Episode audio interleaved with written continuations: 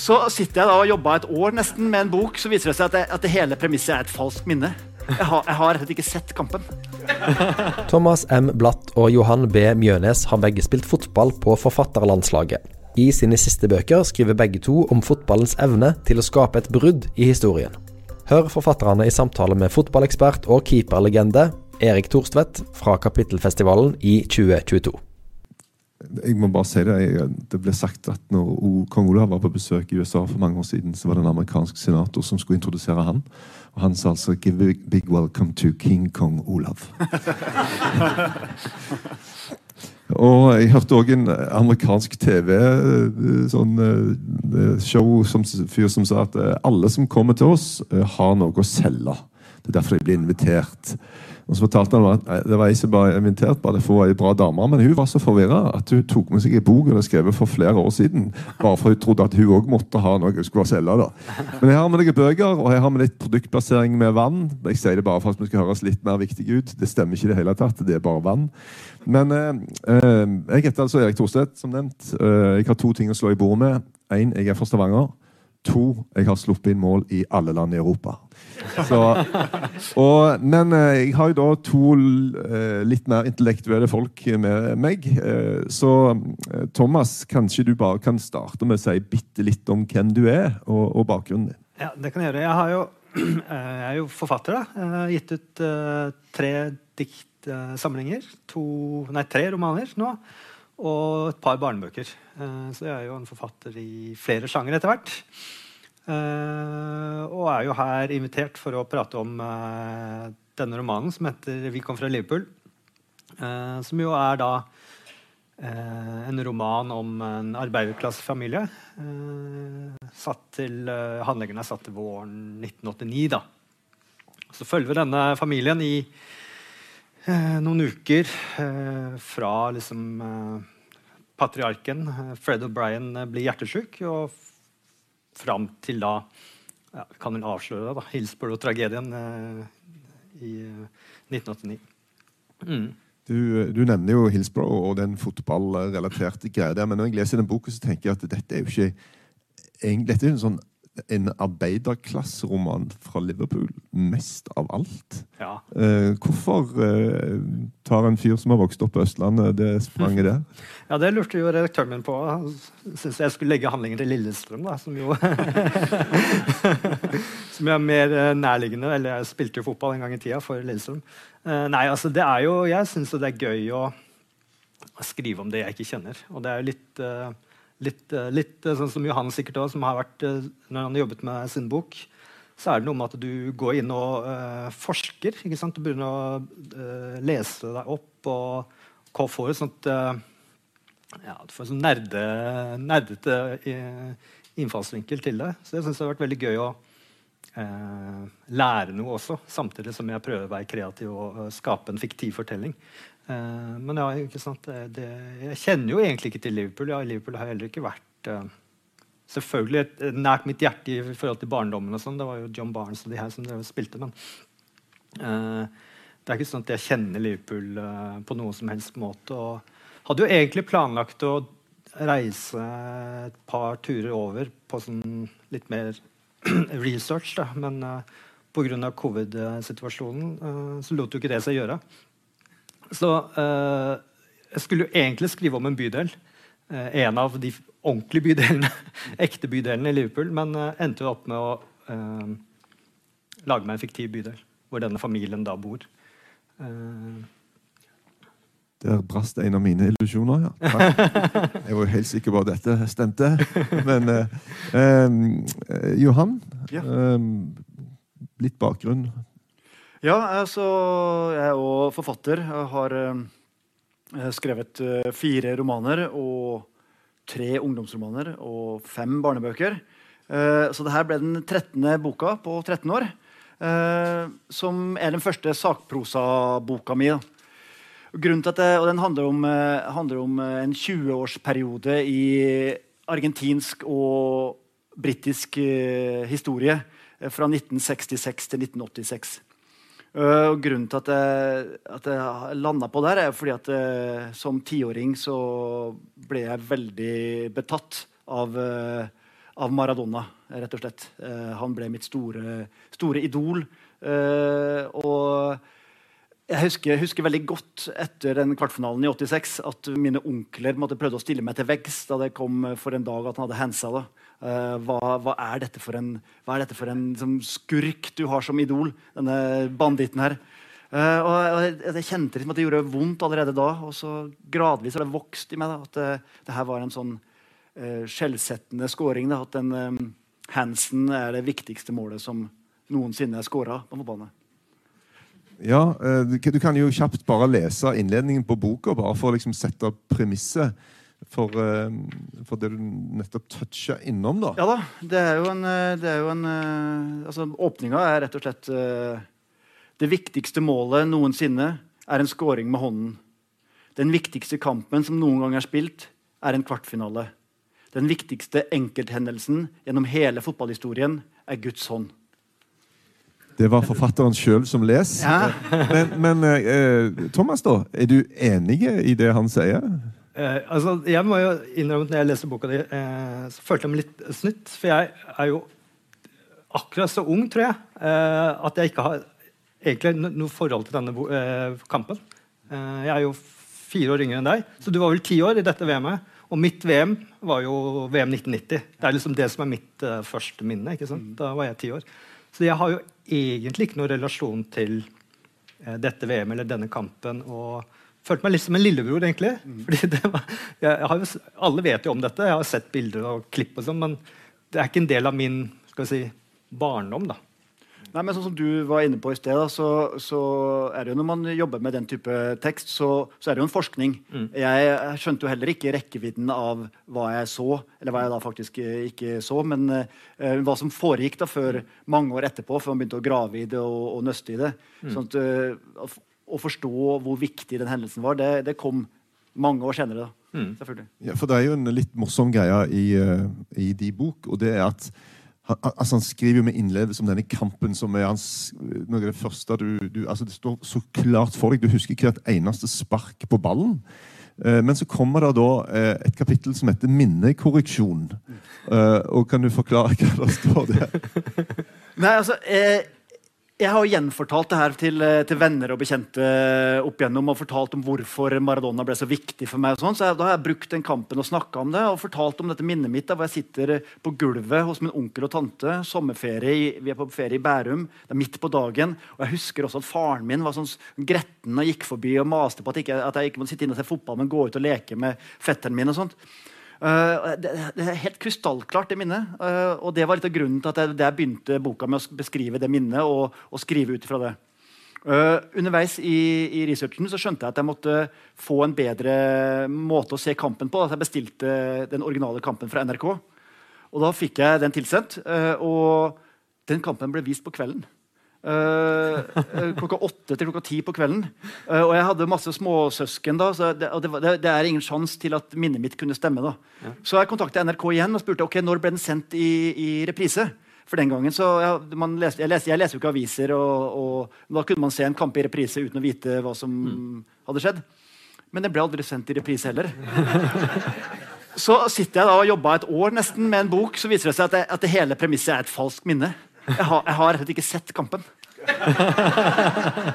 uh, og da fikk jo hele prosjektet en litt sånn uh, eksistensiell karakter også, som uh, ble litt, litt fiffig. Da. Men nå har jeg sett den mange ganger. Men, ja. Var det en annen kamp du så da, egentlig, som du har minne av? Nei, jeg tror bare at jeg har, jeg har bare Jeg ville vel så gjerne ha sett den. Ja, at, at, jeg har liksom lagd en slags fortelling om det. Jeg har ikke, jeg har ikke noen forklaring på hvordan akkurat det helt konkrete minnet har dukka opp. Uh, hva, hva, det skyldtes. Men, eh, men, kanskje det jeg tenker etterpå, at det, at det, kan være at jeg har at kanskje de sendte noen sånn klipp, VM-klipp på mm. formiddagen. Så var det det jeg satt og så på. Mm. Og så jeg så kanskje skåringa til Maradona i noen sånne klipp. kanskje. Mm. Jeg vet ikke. Det er, det, er, det er, veldig rart for meg selv hva som har skjedd. Men, men, er det sånn at en forfatter er alltid dødelig ærlig og sier ting som det er, eller tenkte du det der skal i hvert fall ikke med i boka? Jeg ble veldig usikker da, hvordan jeg skulle løse det. Men så syns jeg, synes jeg, ganske fort at det ble en ganske ålreit historie. Da. Det at jeg faktisk ikke hadde sett kampen, som jeg brukte så mye tid på, som jeg har brukt så mye tid på å lyve da, tydeligvis om opp gjennom åra. Uh, og vi fattere er jo på en måte det er jo, det er jo, løgn, og man finner på ting hele tiden. Så, så det, det syns jeg passa ganske greit, egentlig.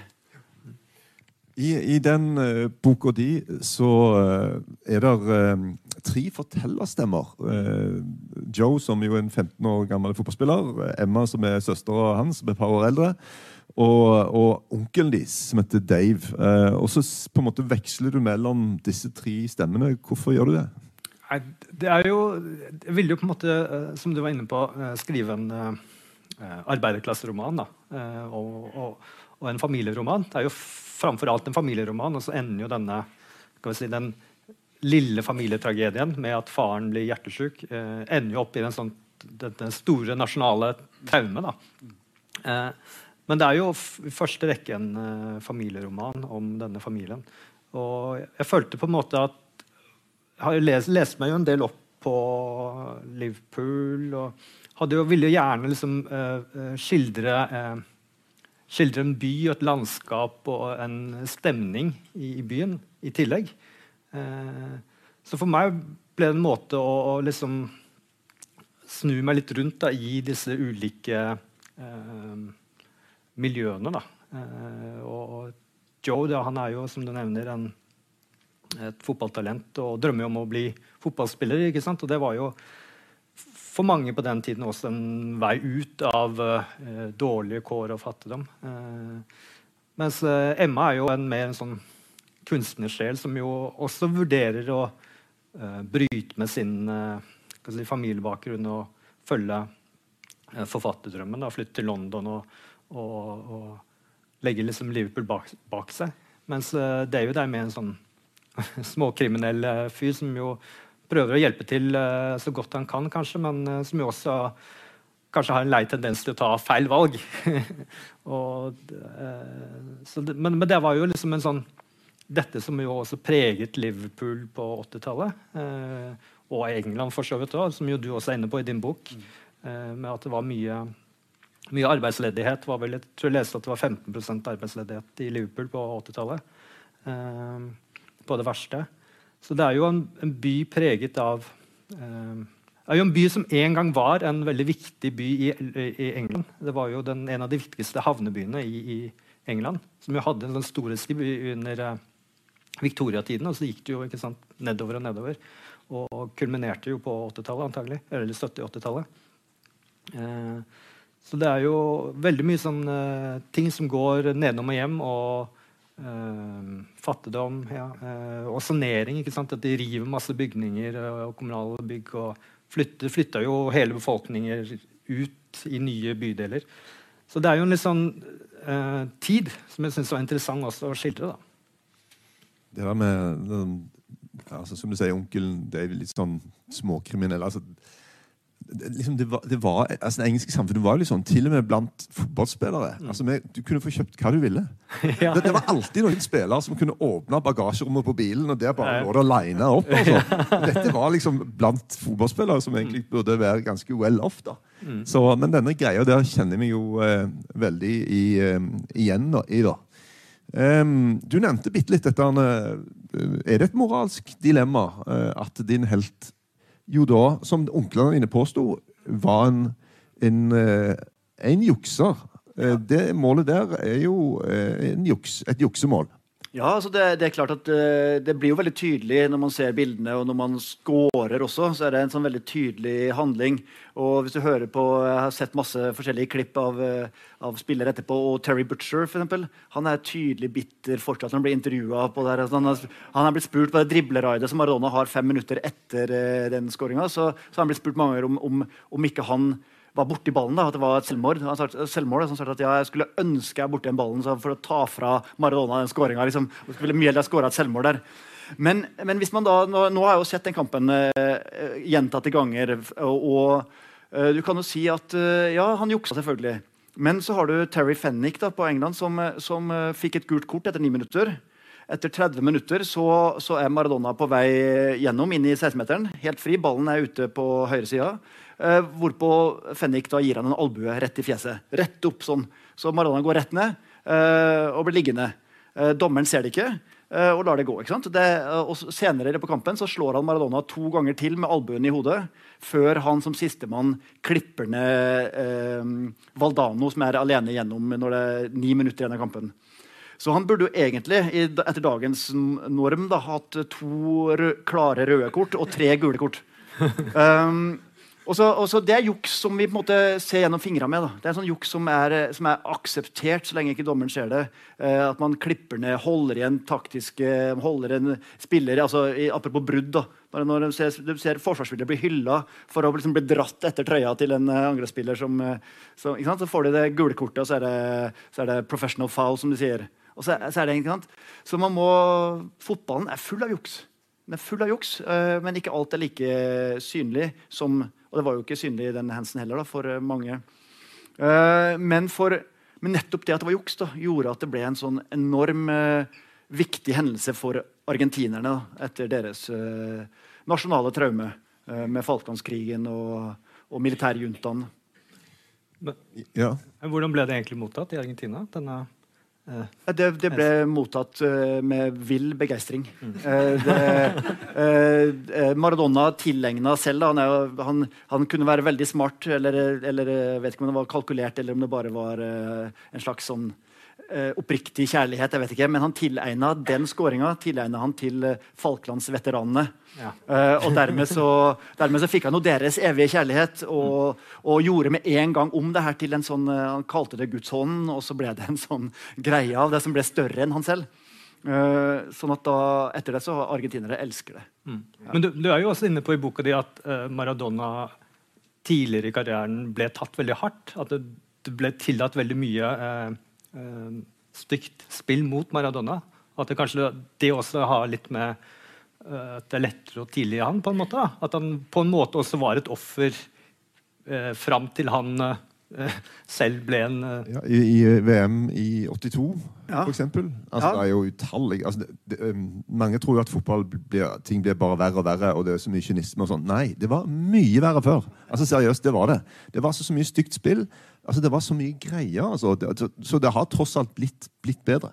Ja, altså I 82, som du, som sier, da, så er det jo, det er jo stjerneeksempelet. Da satt jo Italia på um, han, uh, midtbanespilleren med det sjarmerende navnet Claudio Gentile, som ikke akkurat var veldig gentle. Uh, han, uh, han, han, alene sparka ned Maradona 23 ganger i løpet av den kampen. Uh, da Maradona gråtkvalt gikk bort til dommeren for å, for å, be om hjelp, så fikk Maradona gult kort for klaging.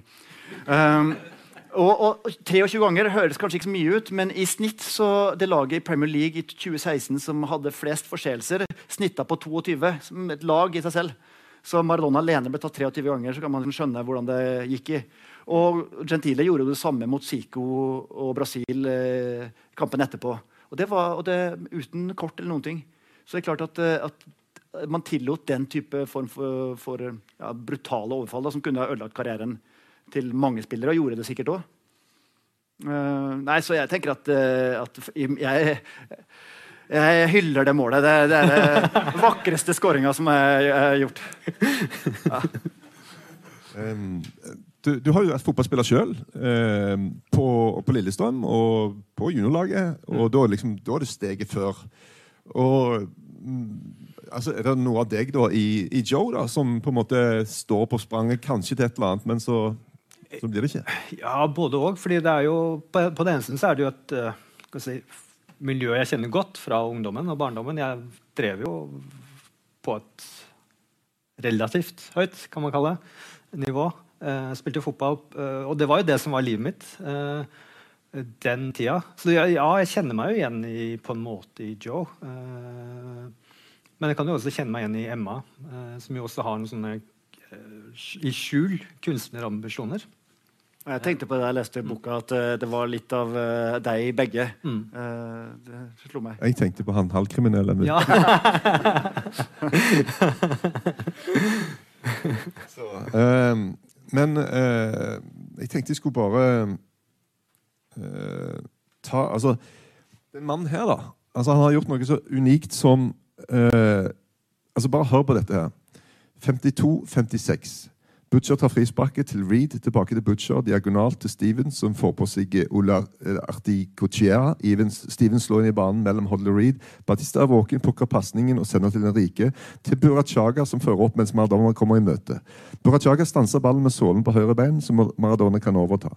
I det Maradona overtar, stormer Sansen, Reed og Hodge opp i Maradona, som slår bak til Gusti. Gusti diagonalt mot Articochea, men passingen er for lang, går ut til innkast for England. Altså, Hvert sabla spark på ballen i den kampen er beskrevet. Altså, jeg er litt sånn, Hvis det blir for mye naturbeskrivelser, så skummer du litt igjennom. Hva tenker du om disse greiene her? Tror du folk faktisk kommer til å lese det? Nei, altså, Redaktøren min uh, sa jo til meg at uh, Johan, det her, det her, er uleselig. Du vet det, det her er helt uleselig. Skal vi ha med det her? Og så sa jeg, ja, ja, prøv. Det var helt sånn i begynnelsen av manuset. Sånn, at, men ingen kommer til å lese det. Og så ja, ja, men vi prøver litt til. Da. Sånn, og så fortsatte flere runder. Ja, ideen er god, men det, men det er helt uleselig. Um, nei, altså det, det, var et slags eh, det var premisset som det starta med hele prosjektet. var at, at jeg, hadde gjort ferdig, jeg var ferdig med den forrige romanen min hjem. Og så prøvde jeg å komme i gang med en ny bok, og så hadde jeg to prosjekt som stranda. rett og slett.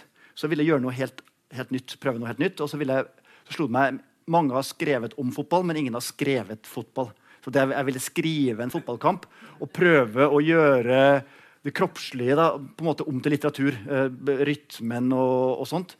Uh, og I begynnelsen så, hadde, så, var det der manuset ganske svært. Uh, fotballbiten med, hvor jeg var enda mye mer detaljert enn det der. Uh, innsida sånn og sånn og kropp altså det, det, var helt, det, var helt, sprøtt. det er det fortsatt, da. Men, men det, det, er noe med å prøve å beholde rytmen i fotballen og se om det får, få til et eller annet med det. Og så er det klart at i de aller fleste henseende så, så, fungerer det i dag som sånn vignetter mellom den virkelige historien, da, som er historien om England og Argentina og mm. Falklandskrigen og Maggie Thatcher og militærjuntaen og alt det storpolitiske som gjør at akkurat den kampen og den hendelsen får så stor betydning. Så det som er den egentlige historien blitt. Mm. Men, men, det er viktig at alt er med, bare for å ha gjort det som et litterært eksperiment, og, og fordi at uh, ja, altså, man, eh, man, må være litt sta og, og, tverr innimellom, tror jeg. Jeg tror det har en egenverdi i det. Og så tenker jeg at det er helt ålreit å skumme mesteparten av de bitene der. Skummer det, og så leser man det andre. Det, det, det, det er, lov. Thomas, du har jo lest boka. Den er ærlig. Skipper du de greiene der? Ja, jeg gjorde kanskje noen av de. Det kan nok hende. Men det var jo jeg synes, et interessant grep. Og, og, og, så er det jo veldig fint bundet inn med historien og, og bakgrunnen rundt. da. Eh, for, for, eh, Selv om det er mye av dette, da, det er jo, men det er jo ganske lite i forhold til resten av teksten. Og jeg må jo si at dette, Hvis du kan si at det er en bok om en fotballkamp, så er det i grunnen like mye bok om selve Falklandskrigen. Du beskriver ekstremt nøye eh, krigshandlingene under Falklandskrigen. Mm. Hvorfor er du så nøye? Det, det, altså det er lang, stor del av boka mm. handler om det. Nei, Det er litt det samme. da, at, eh, at jeg, er ikke, jeg, er jo ikke, historiker og heller ikke noen fotballteoretiker. sånn at jeg har ikke hatt lyst til å forsøke meg på noen form for analyse. Det er veldig lite analyse i boka, både av Falklandskrigen og politikk. Jeg har bare lyst til å vise fram, vise fram en del ting som skjedde. Vise fram hvordan det var, vise, vise fram kampen, vise fram eh, Falklandskrigen. Selv om det her var en ganske i, i, dagens målestokk hvis i forhold til Ukraina sånn, så er det en, en, veldig liten krig. Men det er den siste imperialismekrigen. Den siste, det var, et, var, en kald krig som lå til bakgrunnen der. Uh, og, uh, og, hver hendelse, hvert enkeltmenneske som, som er delaktig i en sånn operasjon, fortjener på en måte også å få sin fortelling fortalt. da. Så det er et par stykker jeg følger ganske mye. Eh, Maradona er jo en, en, biperson i boka egentlig i forhold til et par av de andre. Eh, men var, jeg ville vise fram noen historiske linjer og prøve å vise også hvordan de da innimellom møtes. da, Og hvordan eh, fotballen har påvirka og, og, vært eh, ligget, eh, ligget, der som en, en, en kraft som har påvirka historien, uten at vi nødvendigvis, eller at historikere nødvendigvis har tatt tak i det. Mm. Um, 15.4.1989 så spilte vi bortekamp mot Wimbledon. Og når vi gikk av til pause, så fikk vi høre liksom et eller annet om at det er noe som har skjedd. Eh, det er noen kanskje med skader på en semifinale i FA-cupen som ble spilt på, på Hillsborough. Um, 15.4.1989, hva, hva betyr den datoen egentlig for deg, Thomas? Nei, altså Det er jo eh, selvfølgelig et traume. Eh, både fordi vi av oss som er interessert i fotball, men, eh, og, men framfor alt for, da, for de, eh, Liverpool og de som var de pårørende. Så det var jo eh, også et eh, Hva skal jeg si et lite tabu. Jeg var litt usikker på om jeg kunne skrive om det. eh, og om jeg kunne skrive om det med respekt, på en måte. Altså, er det sånn at dette er deres greie? Dette er deres eiendom, tenker du på? Nei, kanskje ikke. Men det er litt sånn at man, man har jo en litt sånn eh, Man er jo litt redd for å havne i en sånn derre kikkementalitet, og at man liksom eh, det ligger jo klipp ute på YouTube av dette. og... Bare sånn, For dere som ikke kjenner så godt, så var det altså det, det var problemer med noen porter før kampen. Folk kom ikke inn. Plutselig så ble en port åpna, folk strømma på. De som allerede var inne, ble pressa ned mot gjerdet. Og um, hvor mange? 96-97 døde. Mm. Um, og grusomme scener, Mm. egentlig. Og så var det jo eh, Ganske tidlig etterpå så fikk jo Liverpool-fansen skylda for, for tragedien. ikke sant? Eh, og da ble det jo en sånn eh, kamp om rettferdighet. ikke sant? Mm. Om, om, å liksom få fram sannheten. eh, bakgrunnen for, eh, for tragedien. Og de rettssakene har faktisk gått helt fram til i dag. Altså Det har vært en endeløs greie med politi og hvem som egentlig gjorde hva, og hvem som fordelte skyld. For som du sier etterpå, så eh, Englands største tabloidavis heter The Sun, og den er jo liksom totalt bannlyst på Merseyside. da. Det er ingen som skal kjøpe The Sun, fordi de skrev etterpå at eh, Liverpool-fansen stjal fra de døde, urinerte på de, masse sånne syke greier. da. Mm. Så, Som en del av hele, hele pakken. Mm. Em, du eh, den, den historiske altså det, Du har skrevet en bok sånn, der du kobler fotball og andre ting. da, Litt sånn antropologisk tilnærming til det hele. Og det er jo en del som, andre som har gjort det samme. da, eh, 'Football Against the Enemy'. Simon Cooper er jo veldig veldig kjent. Eh, 'Fotball forklarer verden'. Franklin Foe. Det er en del sånne, sånne ting ute. da. Er dette på en måte en sånn Det skrives så utrolig mye om fotball, men er det litt sånn underkommunisert, de der på en måte forgreiningene til resten av samfunnet og påvirkningskraften som, som fotballen har? Ja, det, det tror jeg nok at, eh, at altså, fotballitteratur eller sportslitteratur eh, har en litt sånn, eh, sånn understatus, tenker jeg, i, i både i akademia og i, i offentligheten. Eh, også både denne Hillsbury-tragedien som du er innom, og, og, og disse, disse fotballkampene som påvirker uh, folk. Det, det, det, det får ringvirkninger på samfunnet som, som er, er tidvis helt enorme. Uh, og fotballen er jo en folkebevegelse som er mye større enn en, enn enhver religion. Altså det, det, det angår enormt mye folk. og Det skaper enorm eh, glede sorg. og, og det, det setter i gang veldig mye. da. Det har satt i gang direkte kriger og, og vært eh, brukt uh, av myndigheter til å legitimere egen politikk. Sånn at, uh, og det er klart at Fotballen er ikke alene om det her. Det er masse, masse andre bevegelser altså, som, kan, som kan skape den type endring i samfunnet. Men vi har, det er skrevet så vanvittig mye om hvordan f.eks. rocken har påvirka samfunnet og den type ting. Mens, eh, mens hvordan idrett, og kanskje særlig da, fotball, faktisk har uh, forandra samfunnet. Eh, det, det er det gjort ganske lite, da. i hvert fall i, i norsk eh, sammenheng. Eh, så jeg, jeg tenker at det er noe som godt kan løftes mer fram. Eh, Pave Johannes Paul er jo kjent for det sitatet om at av alle uviktige ting så er fotballen den viktigste. Eh, og jeg mener Det er jo helt uh, høl i huet, for fotball er jo virkelig mye, mye viktigere enn som så.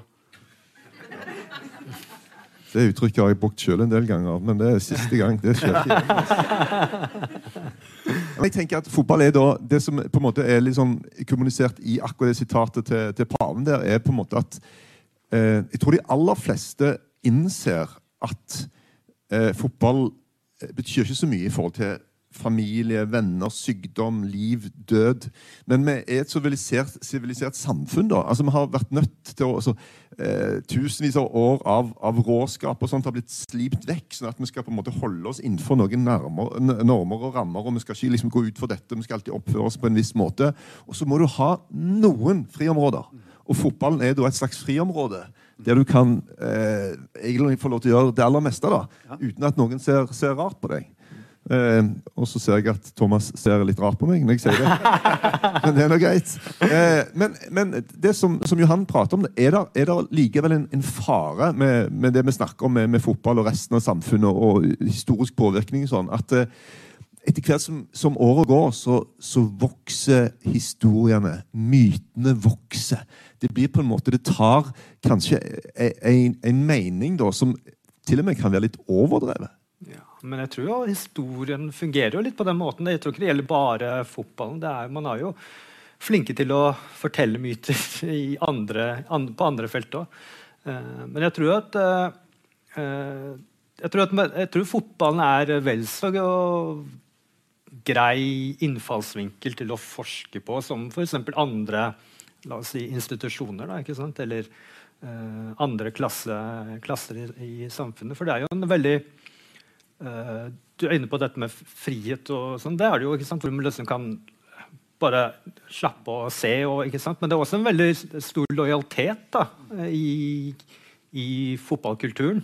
Det, som du var inne på. ikke sant? At uh, naboen din kan godt bli katolikk, men uh, hvis han bytter favorittlag, da, da det, det, går ikke an. ikke sant? Ja. Så du, du, bytter jo liksom ikke klubb. På det, I hvert fall ikke i England. og og egentlig ikke Norge heller, hvor vi har en ganske sterk lojalitet til uh, klubben vår. Så er det jo som Du, skriver jo veldig enig i det Erik her, om, at, om, om arbeiderklasse. Og Fotball er jo, er jo måte, kjent som kanskje en arbeiderklassesport. I hvert fall, kanskje, i hvert fall i Storbritannia. Og det syns jeg det gjør veldig godt. Men bare slenge inn et, et, et, et eksempel fra, fra Argentina. Da, hvor da, i 1966, som er da min bok hovedsakelig starter med, da Argentina ble bortdømt i VM i England, som også var et gjennomkorrupt uh, mesterskap, så ble de bortdømt uh, mot England i kvartfinalen. Og det raseriet i, i, Argentina det spredde seg over hele, hele folket. Blant annet så var det i operaen i Buenos Aires, Opera Colón, så skulle de ha en, en oppsetning av Aida. Uh, Aida og der var dirigenten brite. Så det var, det var, det vanlige publikummet som satt der stille og prata mens eh, musikerne stemte instrumentene sine. Og sånt. Og idet han kom inn på scenen, så ble det vill buing. Ble en bua rett av, og så ble forestillinga avlyst. Det var samme, det var samme kveld da, som Argentina, eller dagen etter da de fikk vite at Argentina var blitt bortdømt i, i fotball-VM i 1966. Mm. Sånn at eh, det, også de forfinede mm, argentinerne var, reagerte på samme måte. Det skulle ikke ha noe av en engelskmann her. Det gikk, gikk ikke. Ja, for, for, du skriver da eh, Falklandskrigen, Falklandskrigen i 1986 hadde aldri brutt ut, brutt ut, om det ikke var for semifinalen i VM i 1966. Men det er 20 år imellom oss. Ja, 82. Ja, det, ja, 80... ja Falklandskrigen var i 82. Men, eh, ja, 82. Ja. Stemmer. Nei, altså, det er jo klart at det er jo kanskje å trekke det litt langt at den aldri hadde brutt ut heller. For, det, for Argentina hadde jo et, et, et, krav om de øyene helt fra FN ble oppretta og, og lengre. Så kan man diskutere man kan diskutere mye imperialismen og det juridiske rundt det. Storbritannia hadde de øyene i 150 år eh, og var de som oppdaga de. Um, men den kvartfinalen i, 66 eh, den fikk det første det, det, umiddelbare raseriet som gjorde at ambassadene ble angrepet. Den eh, britiske ambassaden i Buenos Aires, men også i, i Brasil og i Uruguay ble britiske ambassader eh, angrepet. Eh, og en høyreekstrem gruppering tok og kapra et fly som de fløy til Falklandsøyene og landa og planta argentinske flagg kort tid etterpå. Og i kjølvannet av den, eh, den kapringa så satte argentinske myndigheter i gang en, da, en hemmelig operasjon som, som eh, starta som var en, en, en, ubåt hvor de kartla noen strender for en mulig invasjon. Eh, og det var et direkte resultat av folkeopinionen etter den VM-kampen. Mm. Da så myndighetene at ok, her er folket så sinna, nå, nå, må vi begynne å se om vi kan kapitalisere på det her. Og så skjedde mye annet rart. Argentina skifta jo eh, myndigheter eh, hele, altså regjeringer hele tida til uh, i 76. Uh, og så da de, vant jo VM på hjemmebane i 78, uh, som de også kjøpte, som er nok et korrupt VM. før men i 82 derimot skulle det være i Spania, og da, og da ble det diskutert at argentinsk seier i Spania var ikke helt sikker. Derfor så måtte de gjøre noe annet, fordi at militærjuntaen var i ferd med å bli veldig upopulær. Eh, så da tok de Falklandsøyene. For å bygge, bygge ja, som, et, som, et, som et propagandagrep. Ja. Eh, Men det er jo likevel ikke et historisk faktum. Det er jo bare en form for påstand. da. Det er en eh, velbegrunna teori, vil jeg si. Men, men du skriver også, da, for, for det er jo litt sånn interessant, da. eh, Hvem eier sannheten, og hva er på en måte riktig med alle disse greiene? da? Du skriver ganske inngående om, skriver mye om tortur, ganske grusomt om tortur. eh, Begått av militærjuntaen i Argentina, eh, som jo satt vakten under VM i 78. Eh, og der det da, Argentina har spilt seg fram til VM-finale. Eh, nervene før en VM-finale på hjemmebane foran en brutal militærledelse uh, de visste var troende til hva som helst, må ha vært fullstendig knusende for spillerne. da. Tapte de, var det ikke godt å vite hva juntaen kunne finne på å gjøre med dem. De risikerte bare å forsvinne, hver eneste en av dem. Uh, det Jeg tar søren, jeg. Det er kanskje litt drøyt å påstå at de kom til å rett og slett likvidere spillerne hvis de ikke vant. Ja, jeg skjønner, skjønner innvendingen, men samtidig så er det den uh, følelsen som flere av de har uh, på en måte sittet igjen med etterpå. da. Som, eh, som at, at her, her var ingen, ingen var trygg, med mindre du var på parti med juntaen. Og folk forsvant jo hele tiden. Profilerte folk, TV-personligheter, kjendiser ble bare borte plutselig. Det var et system, altså det, det er funnet svært få um, lik. Det er noen massegraver, men stort sett 30 000 mennesker forsvant. Eh, gikk, og da de gikk til myndighetene, så sa de at ja, men, eh, vedkommende tilhører den og den uh, geriljaen eller, eller terrororganisasjonen, og de har sikkert rømt landet, og sånn, og det er bare borte. Det som skjedde i virkeligheten, var at de ble tatt med opp i fly og, og kutta i magen og kasta ut levende.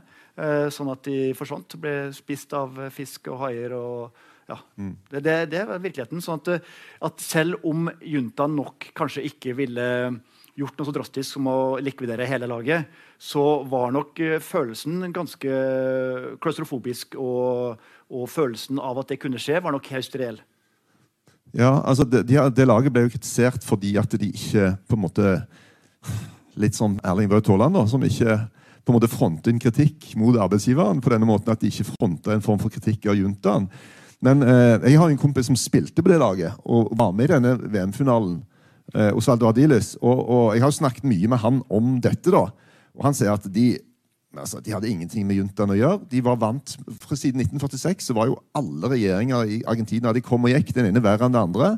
Og de, hadde på en måte, de levde i sin boble, de tenkte fotball og brydde seg egentlig ikke så mye om, om resten. Og det er nok litt av det der greiene at vi, vi tenker jo ofte at spillere må ha et, et annet ansvar da, enn eh, Hva er du først, da? Er du et, en fyr som skal ta et standpunkt mot en, en regjering, i dette tilfellet som, som til og med kan skade deg sjøl? Eller eh, skal du de, fleste fotballspillere er jo først og fremst fotballspillere, da, tenker jeg.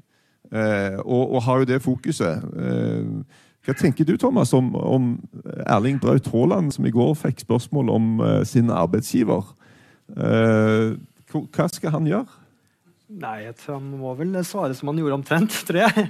Eh, ja, altså, jeg tror at Det der handler jo litt om eh, at man egentlig så syns jeg at eh, Fotballforbundet kanskje har satt seg selv litt i den situasjonen selv, i og med at de begynte å protestere mot Qatar, Qatar-VM. For Da åpna de plutselig porten og, og, og ville ta et politisk standpunkt. Så jeg føler vel litt at de kanskje egentlig er litt skyld i det selv, at det nå begynner å komme eh, at enkeltspillere også blir konfrontert med deres eh, eh, politiske standpunkt opp mot eh, eiere av eh, klubber i Premier League. Men, men det er jo, det er jo, jeg har forståelse for at de selvfølgelig lever i en boble. og det er jo Først og fremst som du sier, er de jo fotballspillere og har en jobb å gjøre. Og, og spille fotball. Men um, for min egen del så syns jeg kanskje at det er litt uh, NFF sin egen eh, De får litt uh, svingdør og går litt tilbake på dem, da. For å si det sånn. Men dette målet som du, dette hens-målet, da, som jo var veldig viktig sånn uh, rent fotballmessig Men Maradona gjør det jo selv til en politisk handling. da, sant? Og Er det greit for deg? altså Syns du det er bra at spillere tar en annen rolle da, enn bare den rent fotballmessige? Ja, fordi at eh, sånn som eh, du var inne på Ardilles og, og disse spillerne den gangen Selv om de selv lever i en boble og ikke egentlig deltar, eller noe, så er de likevel eh, Spillerne i 78 og spillerne i 82 var en del av et propagandaverktøy. Selv om de selv ikke gjorde noe og bare levde i bobla si, så, så var det brukt for å uh, skape entusiasme i befolkningen. De var, og særlig også I 82 så ser du hele det argentinske laget står med banner med Falklandsøyene er våre rett før VM. Så de, var en del av den, de, er, en del av det apparatet. Uh, og så er det klart at, Ja. at Jeg er helt enig i at kritikken bør gå til forbundene og til, eh, til eh, Premier League. Bør se på eierstrukturen sin og man bør se på de store tingene. Og Jeg skulle gjerne ønske at Braut Haaland hadde turt å være enda mer vag da, eh, i sitt svar i går. Og bare sagt at nei, dette er har ingen kommentar. Så burde han sagt. Men når han sier at dette er drøyt, så, så forsvarer han plutselig eh, eh, sin eier.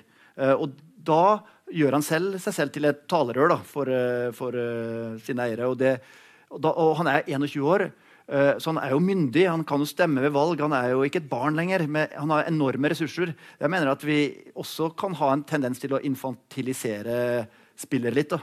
De, jeg, jeg forventer ikke og krever ikke at de skal gjøre noe annet enn å spille fotball. egentlig, Men når de først har den posisjonen, så, så lytter vi jo til hva de sier.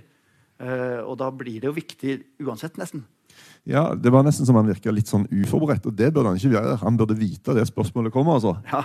Og om en gang du sier, så du, altså han burde, Hvis du sier drøyt, det var drøye påstander, så er det klart så kommer Amnesty og sier at nei, det er faktisk ikke drøyt. Dette stemmer jo. Eh, men, men eh, jeg syns jo at, at enkeltspillere altså Det er helt supert hvis de står fram og mener et eller annet og, og står for noe, men du kan ikke forvente det. Det er det som er greia. Eh, men men eh, i forhold til dette med eh, noen som prøver å slå politisk kapital på fotballen. da. Jeg tenker jo, Er ikke det en styrke at det er en arbeiderklassesport? Altså, Det er likevel et eller annet som er vårt. da. Altså, Norske politikere blir jo bua ut på Ullevål stadion. Verdens mest siviliserte folk sitter der og bare lar eh, Erna Solberg høre det, liksom. Bare derfor er hun en politiker. Og, og det er jo litt sånn, med, for, for du skriver òg eh, eh, at når, når VM-finalen skulle spille, så var det jo torturfengsel der fangene plutselig fikk lov til å se kamp. da. Men de hadde en sånn eh, blanda greier inni seg der liksom skulle de eh, heie fram et lag som ikke var annet enn et propagandaverktøy. Men det er klart at, så det kan en si, ja, men for folket er de vel kanskje mer De ser vel gjerne gjennom propagandaen? Ja, altså det, er jo, det, der er jo, det der er jo kjempevanskelig, fordi det var jo et, eh, et Argentina med, med, som England da, med, med store interne problemer og, og fattigdom og, og masse. Så får du, får du endelig lykkeslaget. og det, det, Folk feira jo, de aller fleste De aller fleste feira jo ute og var, var lykkelige, og, og gatene var fulle av folk. Så, du, så, det, så det er klart at, at juntaen ga jo også en helt reell glede til folket gjennom dette mesterskapet. Eh, Men det, det er jo påtagende at eh, Det var ikke juntaen som ga glede til folket, det var jo fotballaget. Ja, det er klart, men, det, men, eh, men det er ikke gitt at Argentina hadde kommet til finalen. eh, altså, nå, jeg, jeg var der ikke, men, eh, men det er ganske mye som tyder på at eh, Peru eh, slapp den Den kampen. kampen husker jeg godt. altså. De var minst de, Argentina vant 6-0. da. Og dette er også en sånn De greie. måtte vinne med fire er- mål. Ja da, Det er enormt mye sånn korrupsjonsgreier. Hvis det første så er sådd, så er det, det ligger der, og det blir en sånn historisk greie. da. Så, eh, Men eh, eh, Men det er jo uansett et faktum da, at Ja. general eh, Galtieri, uh, militærjuntans leder, var inne i garderoben til Peru før kampen og gratulerte eller tok hver enkelt av spillerne i hånda og sa 'lykke til'. lykke til. Det, er- det, det er liksom, mil Militærjuntans leder var inne til motstanderlaget. Det, det er en spesiell ting å gjøre, da, uansett. Så eh, eh, Brudd eh, heter jo dette greiene her. Og bare, jeg, jeg, jeg, er sånn, jeg leser boka til Thomas, og bare den første setningen synes jeg var sånn Oi, den åpna opp, og den var liksom sånn kul. Og så spør jeg Thomas om det, og så husker han ikke hva første setningen var engang. Og det er liksom bare helt uh, Så hvis du bare leser aller første setningen, det syns jeg bare var Den er veldig kort, men likevel uh, Ja, den er jo kortere enn jeg trodde. Den, nei, den er, altså, den første setningen er eh, 'Faren min levde'. Så sier man faren min levde. Ok, Hva betyr det? Og så tar du så rett inn i et egentlig drama, da, der han egentlig eh, blir veldig syk og og ligger, havner jo til slutt eh, under Torva, Mm. rett og slett. Eh, men kan jeg spørre litt sånn Nå har du skrevet denne det, uh, med et, touch av fotball, da. Uh, men er det, noe, er det en verden du egentlig uh, kunne tenke deg å gå litt dypere inn i litterært? Jeg tror at det er en, eh, et, en verden jeg har vært klar over at jeg kunne eh, bruke litterært eh, veldig lenge. Eh, men kanskje også prøvd å unngå. Fordi eh, når vi er inne på dette med brudd, så er jo liksom eh, Min vei ut av fotballen var jo også et brudd. Det var jo, var jo, det var et brudd med det miljøet jeg hadde. I slutten av tenårene så var det jo det som var livet mitt. Så valgte jeg jo eh, Valgte og valgte, men jeg fikk, i løpet av det året jeg fylte eh, 19, så fant jeg ut at jeg ville bli forfatter. Eh, og da brøt jeg ganske eh, umiddelbart egentlig med fotballmiljøet. Og har egentlig ikke noen eh, venner lenger fra den tida. Eh, jeg har én eh, sånn eh, bekjent som jeg møtte i barnehagen eh, tilfeldigvis. og han, Vi hadde flytta til samme by. Eh, og vi spilte eh, sammen, og vi har tatt noen øl innimellom. Og sånn, men, men egentlig så brøyt jeg jo. Det var et reelt brudd da, med, med den, eh, det miljøet jeg var i. Eh, og det var selvfølgelig ikke nødvendig, men samtidig så føltes det nødvendig fordi eh, eh, fotballspilleren Thomas hadde ikke blitt forfatter. Og omvendt, kanskje. Men det er nok litt sånn, jeg tror det er ganske mange fotballspillere som på en måte har denne lille åh, Jeg skulle ønske jeg kunne være et, på en måte et, et intellektuelt talent. da. At du føler at det å styre Men så tror jeg ganske mange forfattere også tenker at det var dritshow å være god fotballspiller. Altså. Det var dritkult. ja, ja? Så Thomas har jo fått være begge deler. Så lykke til. Eh, Men eh, takk for at dere kom.